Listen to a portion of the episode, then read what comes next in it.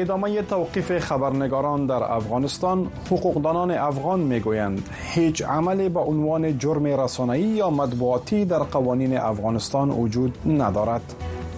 ادامه جنگ در غزه و افزایش جان باختن خبرنگاران کار آنان را با کندی مواجه کرده است. و وضع محدودیت ها در برابر رسانه ها در کشمیر یک خبرنگار را به ترک مسلک و رو آوردن به آشپزی مجبور کرده است. در برنامه این هفته یک موضوع چند زاویه نگاه داریم به آزادی رسانه ها در افغانستان و برخی از نقاط جهان. سلام سید عزیز الرحمن هستم. به برنامه این هفته خوش آمدید. به دنبال به قدرت رسیدن مجدد طالبان در افغانستان علاوه بر دیگر عرصه ها فعالیت رسانه ها و کار رسانه ای نیز شاهد کاهش چشمگیر بوده است در این مدت صدها رسانه تلویزیونی، رادیویی و چاپی به دلایل مختلف از مشکلات اقتصادی تا برخورد حکومت طالبان با آنان فعالیت های خود را مسدود کردند. در تازه ترین مورد مرکز خبرنگاران افغانستان روز دوشنبه طی یک اعلامیه.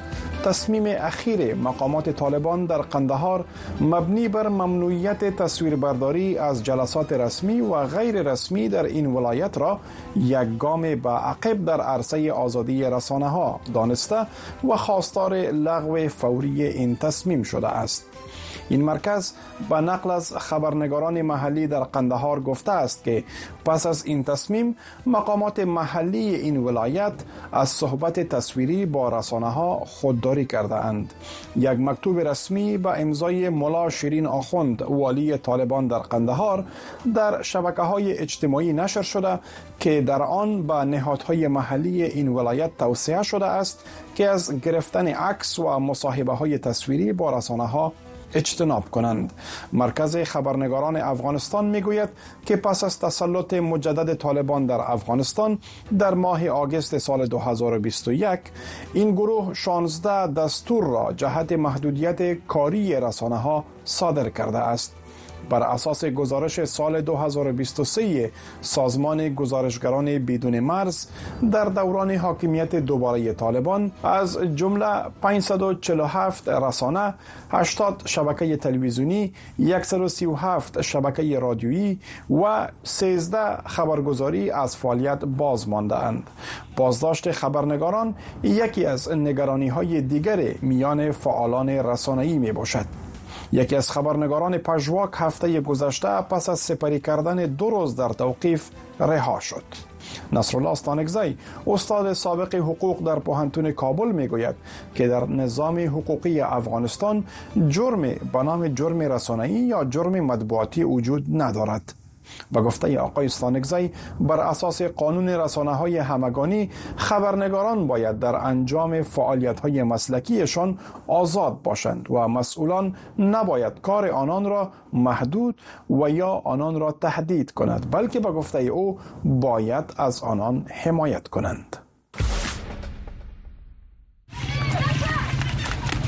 گزارش را با این پرسش ها آغاز می کنیم آیا جرم به نام جرم رسانه‌ای وجود دارد؟ و آیا حکومات حق بازداشت و زندانی کردن خبرنگاران را دارند یا خیر؟ در نظام حقوقی افغانستان جرم به نام جرم مطبوعاتی یا رسانه‌ای وجود ندارد. به طور عموم تخلفات ای از نظر قانون رسانه های همگانی هرگاه به وقوع و پیونده قانون حکم می‌کنه که باید توسط کمیسیون شکایات که در چارچوب قانون فعالیت می‌کنه مسئله را بررسی بکنه.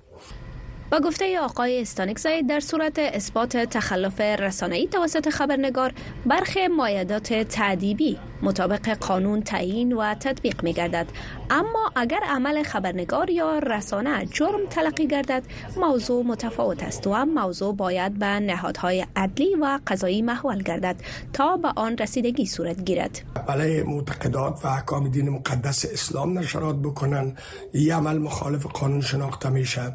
علیه ارزش های ملی علیه توهین و تحقیر ادیان اشخاص شخصیت ها و اینا صورت بگیره.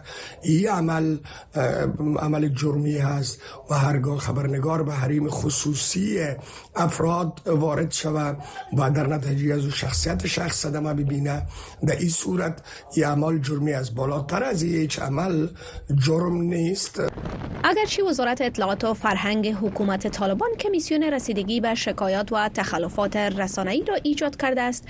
اما اکثر قضایای مرتبط به خبرنگاران و رسانه ها را ریاست استخبارات طالبان پیگیری کرده. خبرنگاران را بدون آگاهی وزارت اطلاعات و فرهنگ بازداشت و زندانی می کنند از اونجایی که از رأس حرم قدرت تا قاعده حکومت طالبان دشمنی بی حد و مرزی با رسانه ها خبرنگاران و آزادی بیان دارند انتظار رفتار مبتنی بر قانون از این گروه به نظرم انتظار عقلانی نمی‌تونه باشه. فدراسیون بین المللی خبرنگاران و اتحادیه ژورنالیستان آزاد افغانستان از بازداشت چند خبرنگار در افغانستان طی هفته های پسین توسط استخبارات طالبان نگرانی کرده و گفته است که این اقدامات آزادی رسانه ها را محدود می کند خوشحال آصفی خبرنگار پیشین در یکی از رسانه های افغانستان تهدید و بازداشت خبرنگاران را یک عمل خودسرانه طالبان می آنچه که امروزه ای گروه انجام میته خبرنگاران را بازداشت می‌کنه. مبنا و اساس قانونی نداره. چون فعلا افغانستان نه قانون اساسی داره نه قوانین عادی داره و نه کدام لایحه و قاعده و مقرره در قسمت وجود داره که روی کاغذ باشه و برای مردم افغانستان قابل قبول باشه.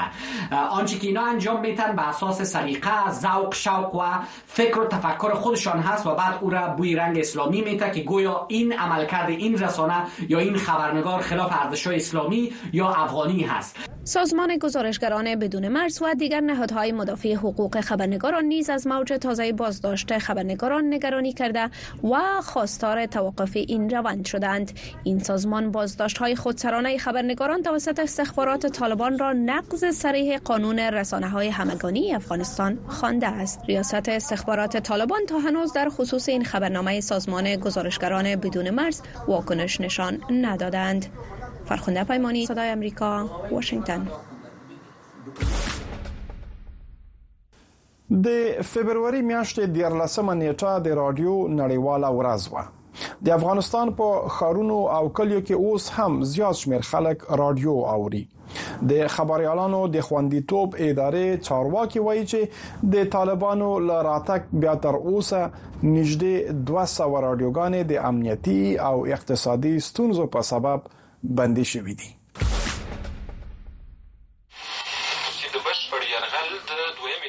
د فبرورۍ 14مه د ملګرو ملتونو د کلتوري او علمي ادارې یونیسکو له لوري د رادیو نړیواله ورځ مول شوې ده. د افغانستان په کلیو شهرونو کې د نور رسنیو په پرتله د رادیو اوریدونکو زیات دي. محی الدین د کابل ښار اوسیدونکو دی. نو موږ امریکا ځخته ویل چې هڅه کوي د رادیوي خبرونو په مرسته خپل هر اړخیز معلومات زیات کړي به خاطر گوش می‌گیریم که از وطن خود از احوال وطن خود به خبر شویم. در وطن ما چی می‌گذاره چی نمی‌گذاره چی خوبی های فعلا در وطن ما می‌گذاره چی خرابی های می‌گذاره. به خاطر از ما گوش می‌گیریم. رادیو فضل خدا بسیار خوب است. با بالخصوص همین برنامه های معارف است. برنامه یکم سوال جواب دینی است. یکم برنامه است مشروع دکترا است. اینا میاره بسیار ما برنامه بسیار فایده مند است. د رادیو د زیاتو اوریدونکو یو دلیل دا هم یادېږي چې د استفادې لګښت د نور رسنیو په پرتله کم دی. عبداللطیف د دکانداري ترڅنګ د ښوونځي زده کوونکی دی. نو وړي وایي هڅه کوي چې د رادیو لاري ښوونیز او علمي خبرونه تعقیب کړي د خپل دکاندار هم دکانداري کې د رادو بیکاری رادو ډیر اورو. مونږ د خبرونه اورو چې کوم د انګلیسي می د خبرونه ما اورو د انګلیسي ما اورو چې د خپل درس یعنی کوم مطالعه و نزد کو د خبرونه هم د افغانستان لار راغنه خبر سو. د طالبانو په بیا ځل واکمنېدو په افغانستان کې د رادیوي خبرونو محتوا تر ډیره تغییر او د امریکا ژغوا ازادي رادیو پر خبرونو هم بندیزونه لګیدلې دي بل ورته د خبريالانو د خوندیتوب کمیټې مسؤلین وایي چې د طالبانو پر اتاک تر 200 پر رادیوګانې د امنیتي او اقتصادي ستو په سبب بندي شوې دي. د نظام له بدلون مخکې موږ تقریبا تر 500 پورې رادیوګانې درلودې چې متاسفانه د بدلون د راتګ په جریان کې په اوسمو کې سه امنیتي وضعیت خنو البته یو تعداد رادیوګان وټړل شوی هم دا غرض له تحول نو وروسته هم یو تعداد رادیوګان سي اقتصادي وضعیت خنو تړل شوی دي. په علمو کې تقریبا د 200 شاوخه رادیوګان تړل شوی او اوس موږ د 250 او 300 ترمنځ داسې فعال رادیوګان لرو. په افغانستان کې د کابل رادیو خبرونه د لومړي ځل لپاره نږدې سل کال وړاندې یعنی په 1916 میلادي کې د شامان الله خان د واکمنۍ پر مهال پیل شوه د افغانستان د رادیو د تاریخچې یادونه په داسې حال کې کیږي چې سل کال وروسته په هغه کابل کې د رادیو د هنري خبرونو پر نشر او اوریدو سخت بندیزونه لګیدل دي شمسارین امریکا ژغ کارشناسان میگویند جنگ اسرائیل و حماس خطرناکترین جنگ برای رسانه ها در تاریخ معاصر می باشد.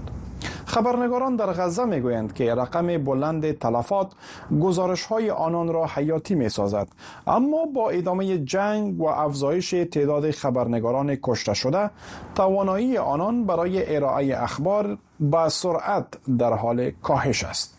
گزارش صدای امریکا را از نجیبه خلیل میشنویم.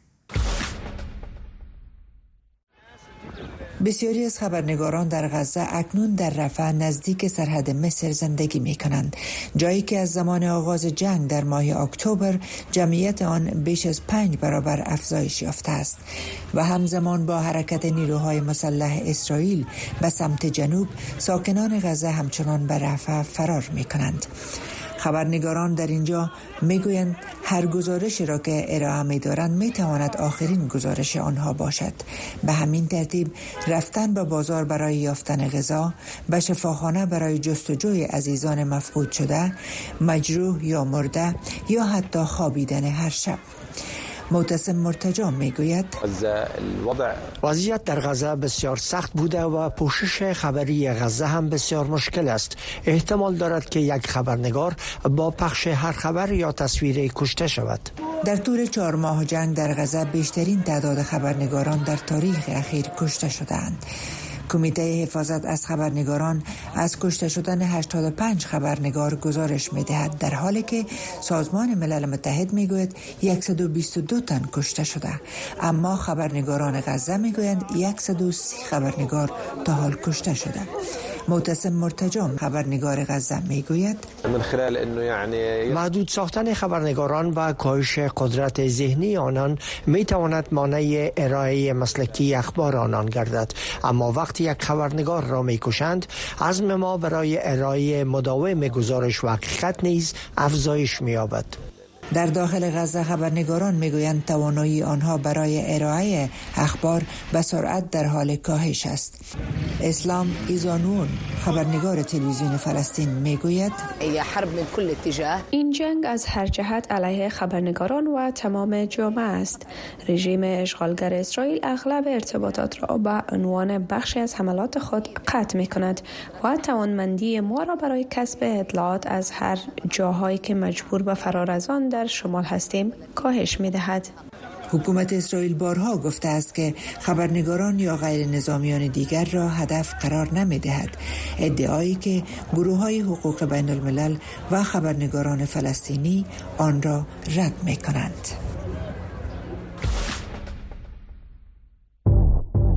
امریکا یکی از کشورهایی که میزبان فرهنگ ها، میلیت ها، سنت ها و ارزش های متنوع و بسیار مختلف از سراسر جهان است. زندگی در امریکا و مهاجرت به اینجا مانند سایر کشورها سختی ها و لذت های خود را دارد.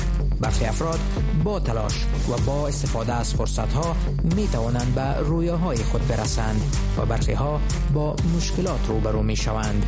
زندگی در امریکا هر جمعه از ساعت 6 الا 6 بعد از ظهر به وقت افغانستان و از ساعت 9 الا 10 قبل از ظهر به وقت شرق امریکا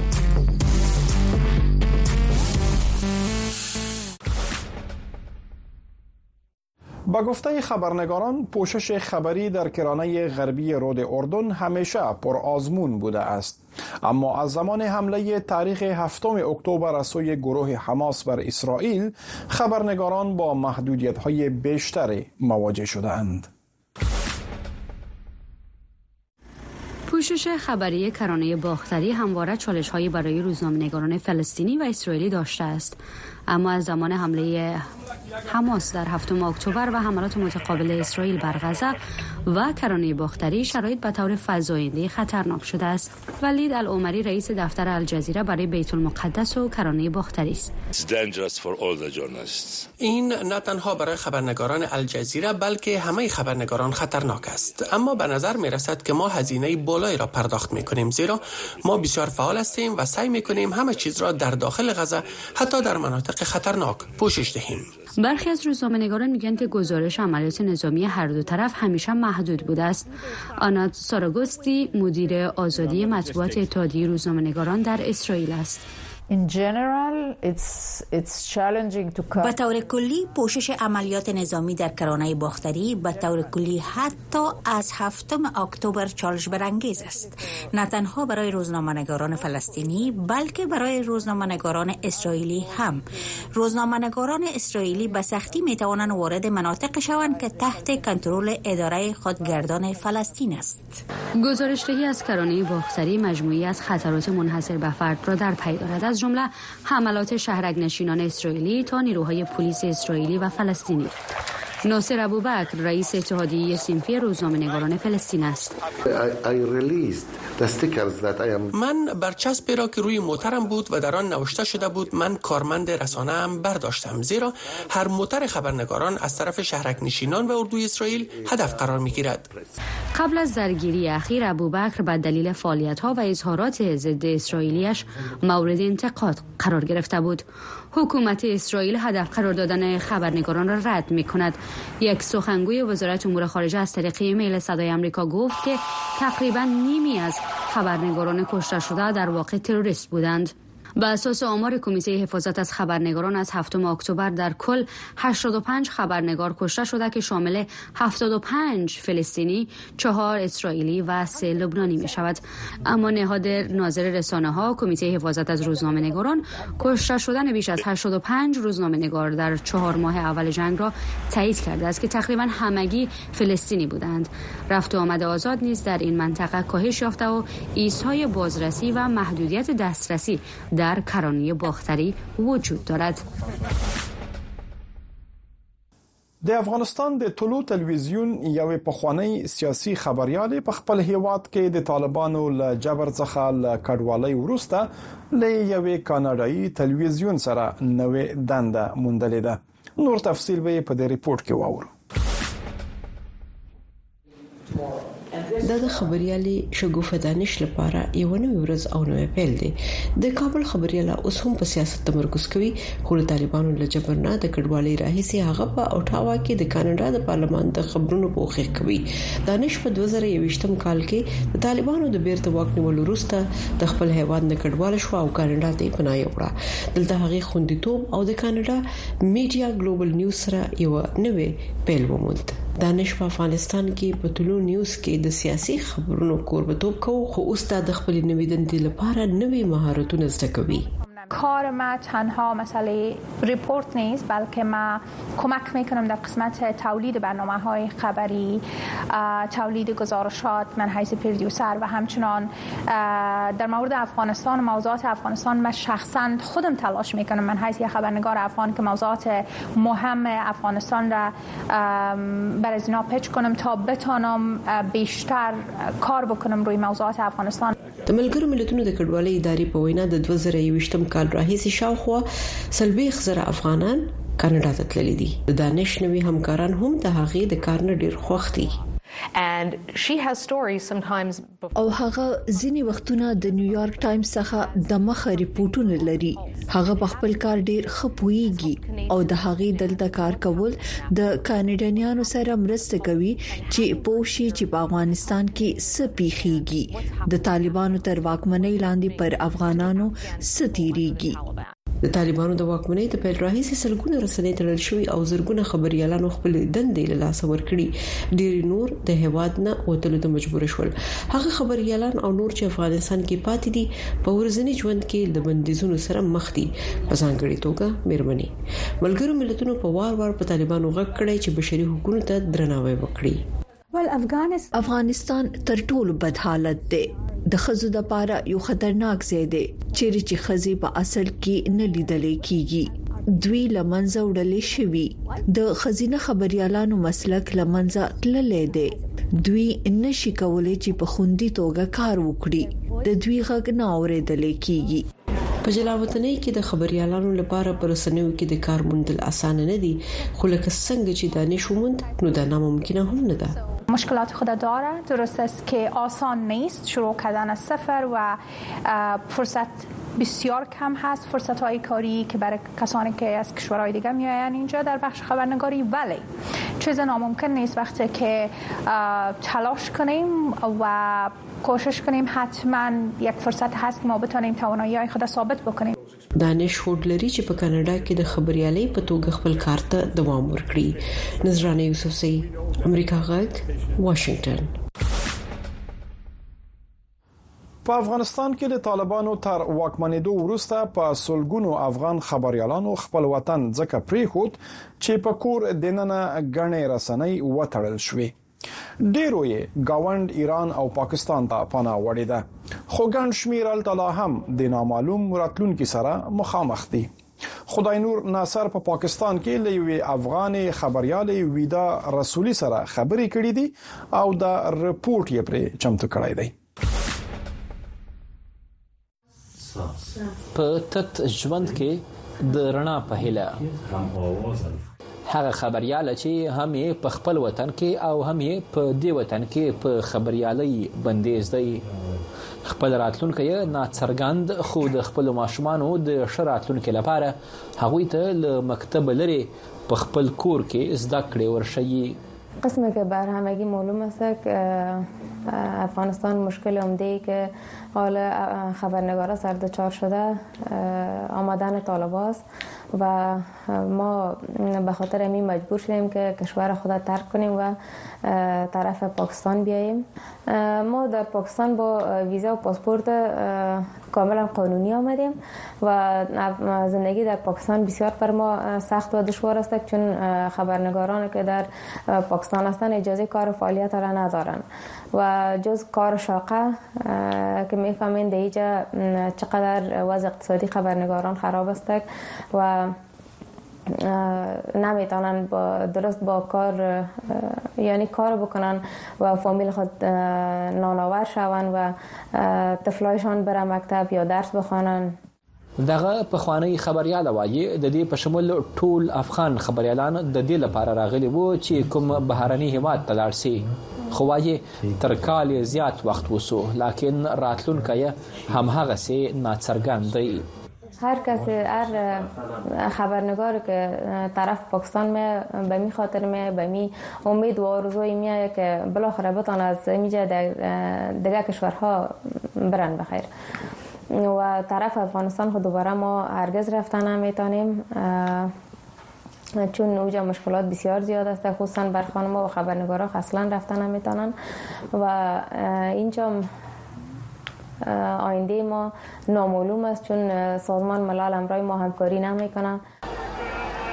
په افغانستان کې دوه کال وړاندې چې اوسنۍ واکمنو د کابل کنټرول ترلاسه کړ هلته یو شمېر رسنیو خپل فعالیت محدود کړ. دوی ونی وړاندې د خبريالانو لپاره د بیپولي خبريالانو اتحادیه د 2023 سوي کال پر راپور کې افغانستان د خبريالانو لپاره د نړۍ په وو خطرناک هیوادونو کې یاد کړی وو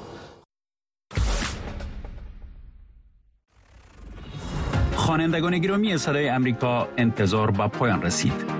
اکنون با دانلود کردن اپلیکیشن های MTH لینک و سایفن شما به گونه مسئول با حفظ محرمیت به اینترنت بدون سانسور در هر جا دسترسی خواهید داشت. برای نصب کردن اپلیکیشن MTH لینک اگر تلفن اندروید دارید به گوگل پلی و اگر آیفون دارید به اپل استور رفته و MTH لینک را جستجو و دانلود کنید. یا اپلیکیشن را مستقیما از این لینک دانلود کنید. یا هم لینک دانلود مستقیم آن را برای تلفن اندروید با ارسال ایمیل به این آدرس دریافت کنید. برای نصب کردن اپلیکیشن سایفن اگر تلفنتان اندروید است به گوگل پلی و اگر آیفون است به اپل استور رفته و سایفن را جستجو و دانلود کنید. یا این اپلیکیشن را مستقیما از این لینک دانلود کرده و یا هم لینک دانلود مستقیم آن را برای تلفن اندروید با ارسال ایمیل به این آدرس دریافت کنید. د هند تر کنټرول لاندې کشمیر کې د خبري پروګرامونو یو نطاق پر مطبوعاتي شبکو باندې د بندیزونو له وجه د بیکاره کېدو ورسته د پخلی یا د آشپزي کاروبار پیل کړی دی. محیط الاسلام د سرینګر نه دا ریپورت رالیږلی چې جزئیات زموږ همکار غورځنګ وړاندې کوي اسما بټ په سرنګر کې په خپل کور کې د خپل ژوند زړې ویډیوګانې ګوري د تیر کال د اگست میاشتې پورې دغه دوه وشکلنې ژورنالیستې محلي خبري مطبوعاتي چینل کې خبرونه لوستل د اگست په میاشت کې چې مقاماتو د هند تر کنټرول لاندې کشمیر کې په دغه مطبوعاتي چینل باندې بندیزونه ولګول او کارکونکو ژورنالیستان د کار نه وېستل نو اسما بټ باید د ژوندانه لپاره نوې لار پیدا کړې وای۔ هغه د cloud kitchen په نوم بل نوې کار پیل کړ کشمیری خواړه پخوي او په انستګرام کې پلوري. ما ځکه د کلاود کچن د جوړولو فکر وکړ چې یو آیت پیدا کړم. نو په سوشل میډیا ټولنیزه شبکه کې مې یو ویډیو خبره کړه. خلکو ډیره خوښه کړه او هي هي تفسیری پرې وکړي د پخلیله کاروبار نه مخکې اسما بټ خبرونه لوستل د سیمه ایزو مسالو ریپورتونه ورکول او د کشمیریانو د تاریخ په حق له باسونو او موبایل سو د پروګرامونو قربانه و د نوې کاري خرونق پیدا کړی دی خو وايي چې مطبوعاتي کاری بيخي نه دی پرې کوي ما یہی سوچ زه په دې غور کوم چې د خپل دغه کلاود کچن کاروبار پراخ کړم. د ژورنالیزم کار می ختم نه دی. دا به هم ادامه ولري. خو زه صرف د یوې صحیح فرصت او موقع په تمه یم. کشمیری والا خبري چینل د تحلیلګرانو په فکر په داسو وخت کې وترل شو چې د همالیه په دې غرنۍ سیمه کې یعنی د هند تر کنټرول لاندې کشمیر کې د مطبوعاتي فعالیتونو ساحه تنګيږي د 2000 کال د پالیسۍ په اساس محلي مقامات دا اجازه لري چې د مطبوعاتي وسوخ د حکومتي اعلانونو د عایداتو د کنټرول په اړه معلومات ترلاسه کړئ شي. او دا پریکړه وکړي چې کوم خبرونه یا پیښه غلطه و سیاسي تحلیلګران او مبصرین وایي د دې پالیسۍ لامل ژورنالیستان مجبور شوي دي چې په خپل په ځان سانسور ولګوي او ځینې محلي ژورنالیستان نور ځایونو ته ولاړ شي یا حتی خپل مسلک بدل کړي مزمل مقبول د ساده خبرو په نوم د کشمیری پادکیس پروګرام کوربه او سیاسي مبصر دی. د وای اصلاحات او د ژورنالیستانو معلومات د مطبوعاتي پالیسۍ او معاصریت ګټه رسولای شي. زما په فکر په ډیرو برخو کې زیات شیان شته چې په پالیسۍ کې اضافه شي. خو د ژورنالستانو نه پرته به څوک پرې خپوشي زه فکر کوم ډیر زیات مسلکي ژورنالستان شته چې د هند غونډې او ملک د دیموکراسي په دې څلورم رکن کې ونډه لري د بې سرحد خبريالانو په شان د څارنې ګروپونو په کشمیر کې د مطبوعاتو د وضعیت په حق له تشويش څرګند کړي دي چې د اسمابټ په څیر ژورنالیستان د عاید پیدا کولو په خاطر نوې لارې چارې لټوي او په ژورنالیزم کې تازه فرصتونو ته سترګې پلار دي. غورځنګ د امریکا غږ واشنگتن ممنون که تا این دم با ما بودید. برنامه این هفته در همین جا به پایان می رسد ولی شما می توانید که سایر اخبار و مطالب مربوط به افغانستان و جهان را در صفحات اجتماعی ما به زبانهای پشتو و دری دنبال کنید. شما برنامه های رادیویی و تلویزیونی ما را در چینل 469 شبکه ماهواره یاست نیز دنبال کرده می توانید تا برنامه دیگر خدا نگهدار.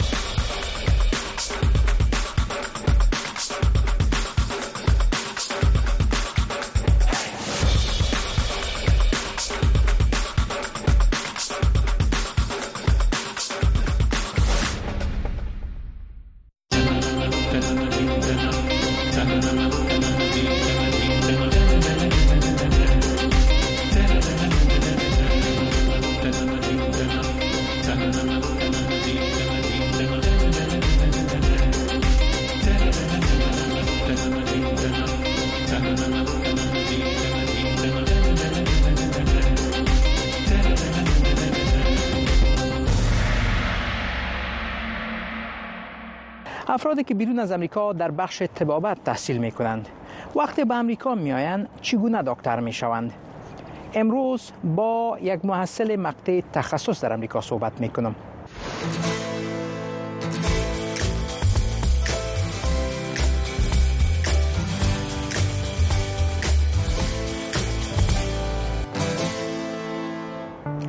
بینده های عزیز سلام. آرزو دارم صد سلامت باشین. ما داوود صدیقی هستم و شما برنامه زندگی در امریکا را مشاهده می‌کنین. این هفته با یک هموطن ما صحبت می‌کنم که در بخش طبابت در پاکستان تحصیل کرده و سپس برای گرفتن تخصص در بخش طب داخله به امریکا آمده و حال در یکی از شفاخانه های ایالت مریلند امریکا در مقطع تخصص تحصیل می‌کنه. امروز می‌خوایم بدانم که تحصیل در بخش طبابت در امریکا چگونه است. و به ویژه افرادی که بیرون از امریکا تحصیل می‌کنند وقتی به امریکا میآیند چگونه می‌تونن اینجا دکتر شوند؟ امید است که این برنامه هم مورد توجه شما قرار بگیره این شفاخانه گریتر بالتیمور میدیکل سنتر نام دارد و یکی از مراکز مجهز صحی ایالت مریلند امریکا می باشد. بله منتظر هستم که دکتر سیما و با هم یک جا داخل شفاخانه شویم. دکتر سه بزرگوار سلام علیکم. سلام علیکم. بسیار زیاد تشکر از اینکه فرصت دادین امروز. تشکر. تا که با شما صحبت کنیم میفهم که وقت تان گرانبها است وقت کارتون هم است. کجا میریم؟ چی می‌کنیم؟ میریم شما را می‌بینیم در خانه میریم و صحبت خودمون داشته باشیم. درباره اینکه چطور من اینجا آمدم و کدام فرصت های است که باید بره؟ بیاین که داخل بریم می هفته و قدر تیز است. اگر چیز زمستان از خوش می‌خوره. بله. و برای کار تلویزیون هفته بسیار تیز و خوب نیست. بیاین که داخل بریم. بفرمایید. بفرمایید. خب خب دکتر سب چه مدت میشه به امریکا آمدین؟ ما این سال سوم است. ما رزیدنسی ما سه سال شروع کردیم. دو نیم سال میشه. پنی سال سوم است. بله. بسیار خوب. بله. یعنی رزیدنسی یعنی تخصص؟ بله رزیدنسی خودش کی است خودش مدیکال رزیدنسیز به اصطلاح خودش تخصص طبی که مردم تخصص میگن در امریکا بعد از توابتشان مثلا طب مولوژی که می‌کنن بله. او تخصص امین رزیدنسی میگن بسیار خوب. چقدر مدت میشه که اینجا هستین؟ ما خودم این سال سوم است. تقریبا دو نیم سال میشه. رزیدنسی ما شروع شده و این سال سوم است و این سال آخر مدیکال رزیدنسی است. بسیار در بخش داخلی عمومی. چه جای خوبی است که اینجا بشینیم دکتر؟ بفرمایید. بفرمایید. سلام. در پاکستان تا کدام مقطع درس خواندید من در پاکستان اول مکتب خلاص کردم. 2000 صنف بعدا ما راه پیدا کردم برای medical school طب معالجوی در پاکستان در لاهور در کدام پوهنتون راه پیدا کردین؟ در پوهنتون King Edward Medical University بسیار خوب. در لاهور پاکستان. چطور سویه از او از لحاظ استانداردهای بین المللی پوهنتون خوب است؟ یک از یعنی top ترین medical college در پاکستان شمرده می شود. و داخل در این medical college بسیار آسانی نبود. پنج سال از او بود و بعدا باز ما ستاژ کردیم. بسیار خوب. یک سال شما تا دوره استاژ در اونجا درس خواندین؟ بله, بله. تخصص نگرفتین در اونجا؟ نه خیر تخصص در پاکستان نگرفتم اوکی. مسئله آمدن به امریکا و درس خواندن در امریکا چطور آغاز شد و چی کرده نمیره. و می‌خوایم کمی با جزئیات تشریح کنیم تا که دوستای دیگه که در افغانستان هستن یا پاکستان هستن یا کشورهای دیگه تو ترکیه و اینجا بله. اگر علاقه دارن که بیاین به امریکا و اینجا بله. درس بخوانن همین مسئله چه قسم است؟ چگونه شما کار کرده میره بله بسیار سوال مهم است و من فکر می‌کنم هر کسی قابلیت دیگه داره که مثلا کوشش بکنه و بیاید امریکا توابت را پیش ببره. خاصتا در مسئله تخصص. اکثر مردم چی می‌کنن؟ اونا مدیکال کالج می‌خوانن. در کشور خود. مردم که در افغانستان هم می‌خوانن در پاکستان هم می‌خوانن.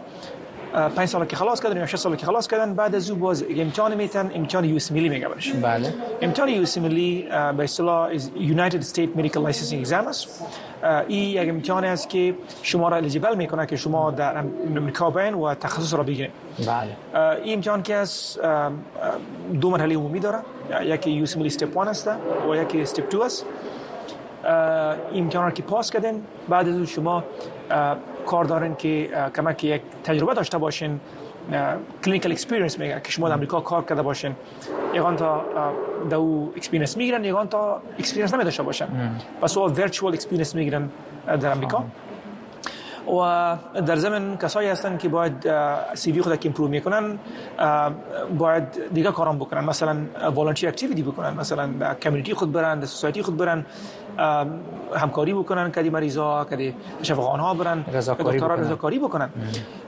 یا مثال خوب است که مثلا می‌تونن کسایی که می‌خوان علاقمند هستن که در امریکا بیان تبابت پیش برن این کارا بکنن تا کسی ویشن امپروو شه بنا به گفته شما بله. یکی باید امتحان خوب سپری کنن دو بله. مرحله را بله. در پهلوی از او یک خلاص سوانه یا ریزومی بسیار خوب داشته باشند که. در او تجربه کار و همچنان یگان رضاکاری هم کرده باشند.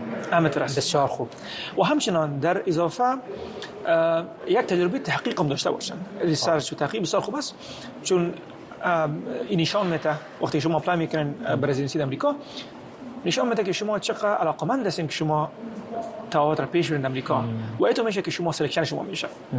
فقط دادن امتحان کافی نیست که selection شما شود. پس این چیزا مهم است که شما باید بکنید. بسیار خوب. در US MLE چگونه بود؟ آمادگیش آسان بود برتان سخت بود برتان در سایر که اونجا خوانده بودین آیا مشابهت داشت با امتحانی که اینجا می‌دادین؟ همین مسئله چطور بود بر شما؟ بسیار سوال مهم است. یوسمیلی که هست؟ این نیاز داره که شما بسیار درس باش بخونین. طبعا شما که چیزی که شما در در پنج سال می‌خوانین در مدیکال سکول اما چیزا شما باید بر اما اما چیزا درباره از چیزا امتحان میشه. بله. مگم او یک تیاری خود داره. چون سیستم امتحان باید بفهمین امتحان چطور سوالات امتحان به کدام چی- چیزا تمرکز می‌کنه. و امو چیزایی که امتحان درباره زیاد focus داره شما رو باید بخونین. و طبعا موادش و مصادرش که هست و از این چیزی که شما در پنج سال خواندین از امون امتحان میشه. بسیار resource هاست. و مصادر است که شما می‌تونید استفاده بکنین. در دوران تیاری از امتحان. در امتحان اول که است؟ اول چهار ساله که شما در medical school می‌خوانین درباره از امتحانش می‌باشه. بله. و امتحان دوم که است؟ او سال پنجم در بارز امتحانش می‌باشه. دیگه سال اول که است؟ تقریبا تیاریش فرق می‌کنه از کس تا 8 ماه 9 ماه یکان تا یک سال می‌گیرن. یک نیم بر- سال بر می‌گیرن. امتحان اول میلی بله برای امتحان اول سیمیلی. بسیار امتحانی اساسی است. چون چیزی که شما در چهار سال خواندین در بارز امتحان میشه. باید شما تیاری خوب داشته باشین. نه تنها امتحان را پاس بکنین بلکه نمبری خوب باید بگیرین. چون بسیار competition زیاد است. مردم هست مثلا 40 هزار 45 هزار نفر هر سال apply می‌کنن برای تخصص در امریکا. از هر کشور دنیا. چی کشورهای عربی باشه چی کشورهای جهان دیگه باشه که دی apply می‌کنن و باید شما تیاری خوبی داشته باشین و نمره خوب داشته باشین. پس امتحان مرحله اول خود تیاری خود داره چند کتاب است که باید رو بخونین و امتحان دوم که است و کتابای خود داره و بعدا وقتی که دو امتحان را که دادین بعدا باز دیگه مراحل دیگه شروع میشه. کتاب های امتحانات چی هست؟ کتاب امتحان که است دهی در دو چیز اکثر تمرکز می‌کنه. یکی به نام UWorld میگه. اکثر یک source بسیار مهم است که دکترای ما که در افغانستان هستن و پاکستان هستن او را می‌تونن استفاده بکنن. در یکی از سوالات و جوابای خود داره. اه، و explanation explanation خود هم داره. به اصطلاح او نوشتنی باشه که مثلا این مریض آمد این مشکلاتش است کدام گزینه از این به اصطلاح درست است. او را که شما حل می‌کنین بعد از او باز explanation ش می باشه باز او را شما درس می‌خوانین و او را می‌خوانین. به اصطلاح یک source درس شما می باشه بس بله. UWorld بسیار مهم است و source دوم است به نام First Aid میگه First Aid یک کتاب است در اه، تقریبا یک ش- 700 صفحه داره. مربوط امو چهار سال که شما در medical school خواندین کلش در یک کتاب جمع شده. پس advice من است که شما اول First Aid خلاص کنین. و که خلاص کردین بعد از شما در UWorld برین که به اصطلاح آنلاین این سوال است که شما از اون می‌تونین که استفاده بکنین و بتونین که شما پیش برین و بفهمین که چی سوالات خمی میآید و چه خمی جوابش است. امتحان USMLE م، تحریری است چهار جواب است چی رقمی است؟ بله امتحان های USMLE است؟ آنلاین است. چهار جواب است. یکان دفعه پنج جوابه هشت جواب می باشه مگم مثل که ما میگیم MCQs است. multiple choice question که میگم. بسیار خوب. خب امتحان سپری شد. مسئله دیگه که تا جایی که من خبر دارم بله. امی که شما درخواست میتین برای residency یا تخصص برای یک شفاخانه همین که خلص سوانح رزومیتون خوب نباشه اینجا نمیپذیرن یا امتحان USMLE را با نمره بلند پاس نکرده باشین شفاخانه ها یعنی سرمایه گذاری نمی‌کنه تو فکر می‌کنه که شاید یک دکتر خوب نشه یا تا جایی که ما شنیدیم. چطور از همین تجربه رزیدنسی پیدا کردن یک شفاخانه خوب که شما رو بپذیره و بر ترینینگ و بر تخصص؟ این تجربه چه قسم است؟ بسیار خوب سوال کردین استیقی صاحب. اتو است که وقتی که شما امتحان رو میتین این بر شما گارانتی نیست که شما رزیدنسی امریکا می‌گیرین. پس شما باید مثل که من قبلا گفتم باید در رزومه خود کار بکنین. مثلا رضاکاری بکنین volunteership activities تحقیق بکنین. تا که رزومه چون رزومه شما بهتر شه و بهتر شه. و وقتی که این مراحل شما تهیه کردین شما apply می‌کنین برای match match خود از یک process است که به اصطلاح دی selection میشه. کسایی که apply می‌کنن برای match meaning و apply می‌کنن برای residency در امریکا. meaning به تخصص. دیگه ساتور از شما بسیار مسائل رو در نظر می‌گیرن interview می باشه و selection process می باشه در چند مواد. نامه میه که کی selection شد و کدام شفاخانه شد. وقتی شما apply می‌کنین طبعا کوشش می‌کنین که در شفاخانه زیاد در امریکا apply بکنین هر چقدر که می‌تونین و می‌فهمین که یک چانس دارین که اونجا شما چانس بلندتر میشه دیگه. چانس بلندتر میشه. و در کل امریکا شما می‌تونین که search کنین در وبسایت ها ببینید کدام شفاخانه است که مردم را میپذیره دیگه apply کردین selection interview میشه interview که شد با selection process میه باز و این سال یک دفعه می‌باشه پس در جواب شما کسایی که خودتون حاصل نمیشن یا مثلا چانس نداشتن در سال باید که دیگه کار بکنن. مثلا دیگه هم تحقیق بکنن. دیگه هم research paper نوشته کنن. کوشش کنن یک clinical experience بیارن امریکا بیارن. اینجا که دکترها که اینجا کار می‌کنن تا شفاخانه که دستور کار بکنن. و یک تجربه علمی و یک تجربه کاری بگیرن. می‌تونه که دو ماه باشه می‌تونه که سه ماه باشه می‌تونه که شش ماه باشه. هر چقدر زیاد کنین هر چقدر بهتر است. و بعدا باز سال آینده apply می‌کنین و می‌بینین که چانس لانچ درست بسیار تجربه شما چگونه بود؟ بله. طب معالجه که خلاص کردم در پاکستان درس میخوندم برای امتحان امریکا. در خود دوران medical school یعنی شما باید صبر نکنین که من medical school خلاص کنم بعد من امتحان تیاری بگیرم خیر. یعنی خود دوران medical school شما می‌تونین درس بخونین. من خودم از سال سیوم و چهارم تیاری برای امتحان امریکا شروع کرده بودم. وقتی که medical school خلاص کردم ستاج خود یک سال کردم. بعدا ما تونستیم که مثلا clinical experience بگیرم به اینجا در امریکا. همچنان تونستم research بکنم. و بعدا apply کردم در سال دمو سال شکر سال اول دفعه اول selection ما شد. بسیار خوب. آمدن به امریکا چگونه است؟ اینجا وقتی که شما select میشین مسئله ویزا مسئله مصارف دیگه چیزا چی قسم است؟ وقتی شما در امریکا میان اکثر مردم از طریق ویزا میان اینجا ویزا که شما گرفتن وقتی selection شما شد شما به ویزا apply می‌کنین. ویزا که apply کردین interview ویزا میشه و بعدا شما ویزا می‌گیرین. وقتی که selection شما شده باشه انتخاب شده باشین به عنوان یک دکتر که می‌تونین تخصص کنین در یک شفاخانه های امریکا باز مسئله ویزا براتون آسان تر میشه. بله. به خاطر که در امریکا خوب بر ما شما معلوم است ویزا گرفتن خو آسان نیست که هر کس apply کنه خصوصا افغان که apply کنه کی ویزا ویزا میتبره راست میگین. درست گفتین. خاطر از این باید شما کل امتحانات رو سپری بکنین برای match apply بکنین برای residency وقتی که selection شد بعدا شما به ویزا apply می‌کنین. okay. طبعا قبل از match و قبل از پروسه residency کسایی که مثلا match نشدن برای اونا و هم می‌خوان که experience بگیرن در امریکا. و هم یک طریقه داره که مثلا امریکا بیان و برای clinical experience اینجا مثلا apply کنن. یعنی برای اونا ویزا می تکسر می‌شناسین که با چنین ویزا آمده باشن؟ بله بله. مگم طبعا اون مشکل تر است اما وقتی که شما match میشین و قبولی شما میشه در residency امریکا بازو ویزی از او که هست بازو قوی تر است و او سشنش شفاخانه یا کمک نمی‌کنه در این بخش که شما را بگه که ما کمکتان می‌کنیم یا این سند ما چه قسم در رابطه با گرفتن ویزا؟ بله شفاخانه که هست طبعا کل از این پروسه که هست کلش در شفاخانه role داره و یک body است به نام ECFMG میگه.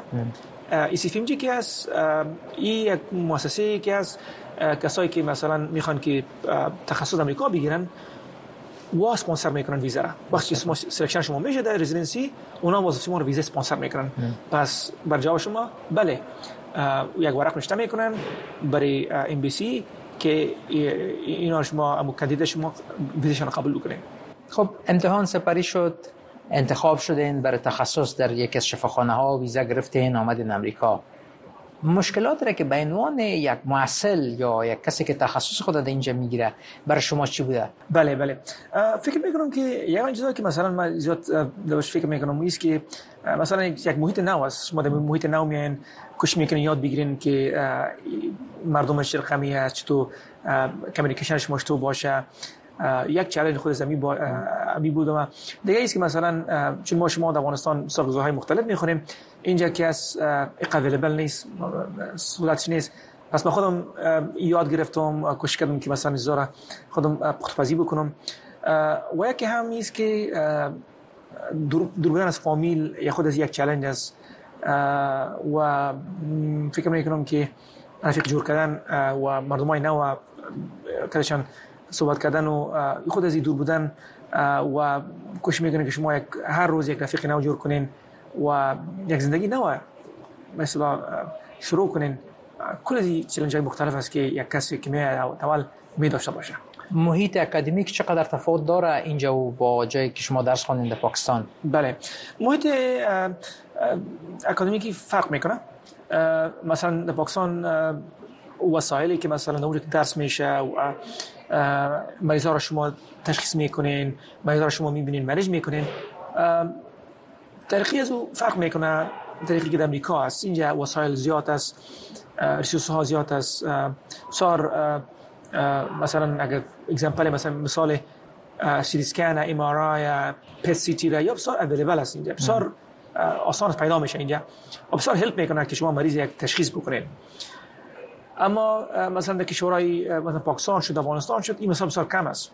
پس شما بسیار در خود اسکل خود که شما مهارت تشخیصی خودی که دارین از هیستری گرفتن و فیزیکال اگزم او شما از استفاده می‌کنین در کشورها. در اینجا هم از این استفاده میشه مگم شما سپورت این چیزایی که مثلا از طریق زوم می‌تونیم معاینه بکنیم و تشخیص بکنیم این زیادتر از امریکا. بدون شک من تجربه شخصی خودم میگم وقتی با تداوی میرین به امریکا معاینات مختلف برتان میتن. از خون گرفته تا جایی که امکان دارم و با بخش که شما از شکایت دارین اکثر معایناتی که لازم است یا موجود است رو سرطان می‌کنن که کمک کنند در تشخیص که مسئله چی است. بسیار آسان و این کار می‌کنن. به امی خاطر یک ارتباط در امریکا قیمت هم است. همینطور است و همچنان یا خوب دیگه چیزی که از مدینم اینجا هر specialty موجود است. یعنی اگر case ای یک complex باشه complicated باشه اینجا هر بخش به خود یک بخش دقیق خود هم داره که در او مریض مثلا ما می‌تونیم علاج بکنیم. و بسیار help می‌کنه مریض را. مثلا کسایی که یک مشکل دقیق دارن که در او یک دشف خانه علاج نمیشه. امریکای خوبی داره که مثلا کل specialty ها هست. اکثرش هست. که می‌تونه یک مریض با امی طریقی خوبش او را به اصطلاح هلپ بکنه. یعنی دکترای هستن که در بخشای خاص تخصص می‌کنن در بخشای بله، خاص بیخ بله. کوچک می‌سازن امی مسلک خود تا که خود. با خوب بتونن در اون بخش کار کنن. بله بسیار فوکس می باشن بسیار کسری می باشن مثلا چی هست؟ هم یگان بخشایی که شما دلچسب است. مثلا در بخش می خود قلب کی است؟ مشکل قلبی کی است؟ یکی خود می خود کاردیولوژیست است. دکتر داخلی قلبی که ما شما میگیم. او مشکل قلبی رو می‌تونه در شکل عمومی می‌تونه که علاج بکنه. اما باز یک بخش دیگه داریم به نامی که الکتروفیزیولوژی میگه. او دکتر قلب است مگم یک تخصص دقیق داره؟ در بخش امی خود هارت ریدمز. اسلامی ما شما که ضربان قلب. ضربان قلب کی است. و بسیار هلپ می‌کنه مثلا بسیار تشخیص های خود داره و بسیار معاینات های خود داره و همچنان علاج های خود داره که مثلا یک دکتر قلبی عمومی نمی‌تونه او را پیش ببره. بسیار خوب. بله. بسیار عالی. دکتر صاحب یک مسئله دیگه هم هست که من نمیفهم چگونه بوده بر شما. تبابت در امریکا یکی از قیمتی ترین تحصیلات است. بله. برای خود امریکا حتی بسیار تحصیل قیمتی است. بر شما چگونه بوده؟ من می‌فهمم که شما دوره ابتدایی را یعنی دوره تحصیلتون بیرون از امریکا سپری کردین. اما در امریکا در این مرحله شما پول میتین. بله. چگونه است این مصارف از چه قسم است؟ بله مصارف در شکل عموم طبعا قسم شما گفتیم بسیار expensive است. حتی کسایی که مثلا در اینجا تخصص میگیرن اونا باید medical school خلاص بکنن در امریکا چهار سال از اینجا. و بعدا میتونن که در residency داخل شون. میان در بخش تخصص داخل شون. و همچنین اکثر کسایی که هستن در medical school در بخش امتیازی خود قبل از تخصص بسیار پول گزاف است و بسیار expensive است. و اکثرشان که هستن پیسه میتن پول میتن که medical school خلاص کنن. بله بیاین که واضح واضح صحبت کنیم. همین medical school اگر یا طبابت کسی که از ابتدا در امریکا بخونه تا قبل از اینکه آماده بشه برای US MLE چقدر مصرف نه حداقل به طور اوسط. بله خودی فرق می‌کنه از از کالج با کالج و university و همچنان کدام دیگری ها شما قبلا گرفتین سو مردم هستن که مثلا 700 هزار دلار یا نیم میلیون دلار تا یک میلیون دلار هم می‌تونن پیش برن تا که مدیکال اسکول خدا خلاص بکنن مسئله. رزیدنسی چطور است باز؟ باز رزیدنسی که از خود خانه و شما ماش میته خودتون پیسه نمیتین هر ماه شما هر, هر, هر ماه شما پیسه می‌گیرین و او به اصطلاح ما شما می‌باشه. به نحو شما کارمند شفاخانه میشین اما به عنوان یک کسی که اینجا اونجا ترین میشین. تمرین بله. می‌کنین نه؟ بله. یه خوبی هم که نه. شما می‌تونین که تخصص بکنین و در زمین ماشم کارمند شفاخانه باشین. باز در این مرحله ماش که شما می‌گیرین با یک دکتری که کار خود خلاص کرده تفاوت داره؟ بله. تفاوتی کلان داره. چون شما دوران ترینینگ هستیم ماش خوب است اما با او مقداری که دکتر متخصص می باشه قدر نیست. بله. در امریکا در کل طبابت بسیار زیاد قیمت است. دلیلش شما در چی می‌بینین؟ حالا اقل دو نیم سال در یک شفاخانه اینجا کار کرده بله. فکر می‌کنم یکی از فکتور فکتور اساسی که می باشه بر قیمت بودن طبابت و است که اینجا سیستم امریکا مختلف است از کشور دیگه که اینجا مثلا اینشورنس کمپانی است. و همچنان امی خود تست هایی که مثلا اجرا میشه استانداردش بسیار عالی است و بسیار بالاست. و در زمین امی خود استراکچر سیستم امریکا او نیاز می‌کنه که این قیمت ها بالا باشه. بله. خب نیم خلاصه بسازیم این موضوع را که وقت فرد در بخش تخصص یا رزیدنسی در یک شفاخانه قبول شود دیگه مصارف از جیب خود مصرف نمی‌کنه. یعنی اگر گزاره کنه با ماشی که برش داده میشه می‌تونه که امی دوره تحصیل خود سپری کنه. بله بله. مثلا شما را که معاش می‌گیرین شما می‌تونین که کرایه خانه خود بتین می‌تونین شما به خود موتر بگیرین و در ضمن می‌تونین که شما یک زندگی خوبی داشته باشید در دوران training. بسیار و بعد از training چطور است کار دکترا؟ بله بعد از training باز باز خوب باز دیگام خوب میشه. چون بسیار سیستمش بسیار خوب است بر دکترا. این است مثلا یه آن بخش مثلا شما می‌تونین که شما تخصص دوم بگیرین. مثلا خودم شوق دارم که در بخش داخلی قلبی تخصص دوم بگیرم و یقان تا که اصلا دمی خود بخش داخلی عمومی کار می‌کنن؟ باز سیستم خود داره. ما بسیار ببخشید دکتر صاحب که سر میاد گپ زدیم به خاطر که من می‌خواستم مسئولینی که علاقه مند هستن نه نه چرا نه؟ به اونا یک معلومات شوه از شما تا اول نپرسیدیم که شما خودتون مشخص کدام بخش تخصص می‌کنید؟ بله من خودم فعلا در بخش داخلی عمومی. فعلا داخلی عمومی که از امریکا سی سال می باشه. فعلا این سال سوم است. بخش از اول خوش داشتم. چون این بخش که از یک برج است شما می‌تونید تخصص دیگه هم بگیرین اگر می‌خواین شما بگیرین. مثلا داخلی قلبی شد و, و دیگر. می‌خواین تخصص دیگه بگیرین بعد از بله. ان شاء الله پلان من که بخیر در داخل قلبی عمومی. بله. بسیار خوب. دکتر صاحب من میفهم که امریکا بسیار یک کشور موفق به دنیاست بله. در بسیاری موارد. وقتی تحصیلتون خلاص شد دوباره می‌خواین برگردین به افغانستان؟ من اول کش می‌کنم مثلا نمی ادبیات خدا بالا بکنم و بتونم که هر که تجربه کاری خوب بتونم بگیرم در امریکا می‌خوام بگیرم در بخش علمیت باشه اکادمی باشه در بخش تحقیق و research باشه می‌خوام بکنم. و می‌خوام که یک مصدر خوب و خدمت برای کشور خود باشم. چی از طریق دور بودن از کشور و چی از طریق از اینکه مثلا بتونم که یک همکاری خوب داشته باشم برای کسایی که مثلا در افغانستان هستن می‌خواین که مثلا درباره research های نو و تحقیق نو بفهمن درباره از چیزا می‌خوام که کمک خوبی داشته باشم. چند ساله بودین که از افغانستان بیرون شدین؟ من بسیار کوچک بودم. تقریبا چند ساله بودم دو سال سی ساله بودم. پاکستان آمدم باز پاکستان اونجا پیش بردم در افغانستان کجا زندگی می‌کردین؟ در خود کابل بودیم. بسیار خوب. در کابل بودیم در مکرویان بودیم. دکتر صاحب یک دنیا تشکر از وقت شما امروز. سلام باشه امید است که بیننده ما از تجارب شما چیزای تازه را مخته باشند. و راهنمای شده باشه به دوستایی که در افغانستان پاکستان یا کشورهای دیگه علاقمند هستند که بیان و بیکا برای تحصیل یا به خصوص برای گرفتن تخصص خود در یک بخش یک راهنما وارد شده باشد. سلامت باشین. یک دنیا تشکر. موفقیت های بیشتر براتون آرزو دارم. سلام باشین. خوش آمدین و امیدوارم که یک کمک خوب باشه برای افغانای ما که جام جنریشن هستن. دکتر دکتری فعلا میآموزن و تبابت را در افغانستان می‌خوانن که بفهمن که کدام مراحل است که اینا باید سپری بکنن که بتونن امریکا بیان و تخصص پیش ببرن. بازم تشکر. سلام. بشید بیننده عزیز ای بود برنامه ای هفته زندگی در امریکا. آرزو دارم که موضوع برنامه مورد توجه شما قرار گرفته باشه. تا اینکه بازم هفته آینده با یک موضوع تازه در خدمت قرار می‌گیرم. همگی شما را به خداوند یکتا میسپارم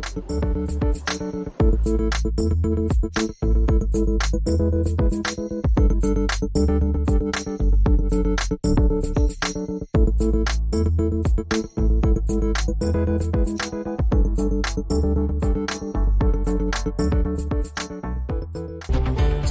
دسترسی کاربران اینترنت را در افغانستان به وبسایت های دری و پشتوی صدای آمریکا مسدود و فیلتر کردند.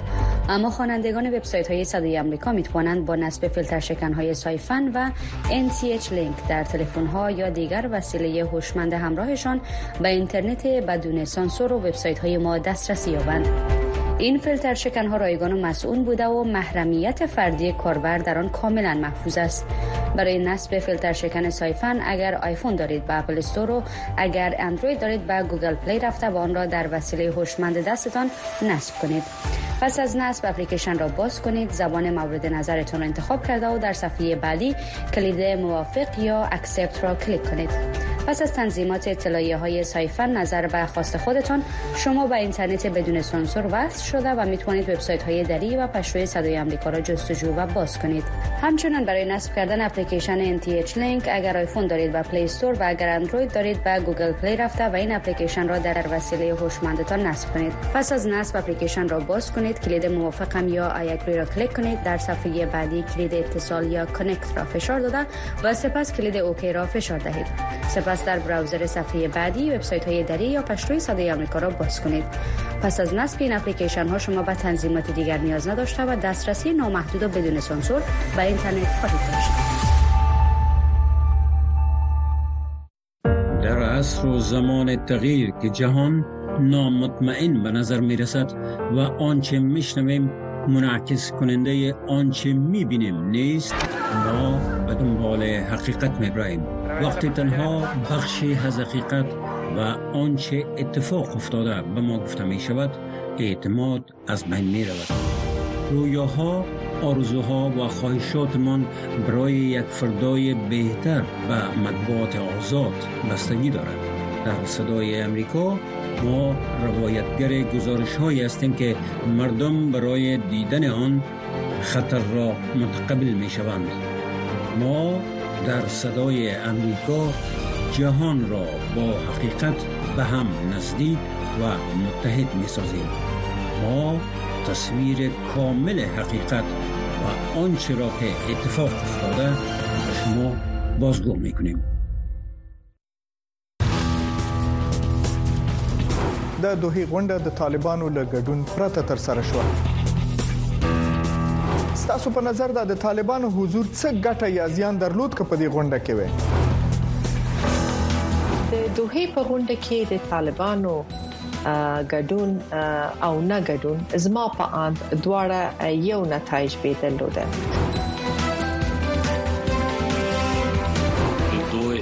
تړون د زلمی خلیلزاد په مخ یو قوي او یو درانه څپېړه و هغه زلمی خلیلزاد چې د طالبانو د لپاره لابیګری کاوه او هغه به شپه ورځ دا خبره کوله چې طالبان چین سوي دي او د خلکو تغییر کړي دا هغه طالبان نه دي چې په شپږ دوی کې راغلي تر 2000 کال پورې په افغانستان کې نه وجه افغانستان بل انزوات خراوون دي بلکې په افغانستان کې به ټول وګړو ته د افغان خدي دغه کړه سیاسي مخالف راغلي انګوان غږ هر طرف چې افغان بهر فکر وي دا واو هایل د هرې جمعې په ورځ د افغانستان په وخت د ماخام ونیمونه تر اته بجو پورې. د امریکا غږ د سټلایټ للارې په ژوندۍ بانه هایل د امریکا غږ د روانو چارو ټلویزیونی خبرونه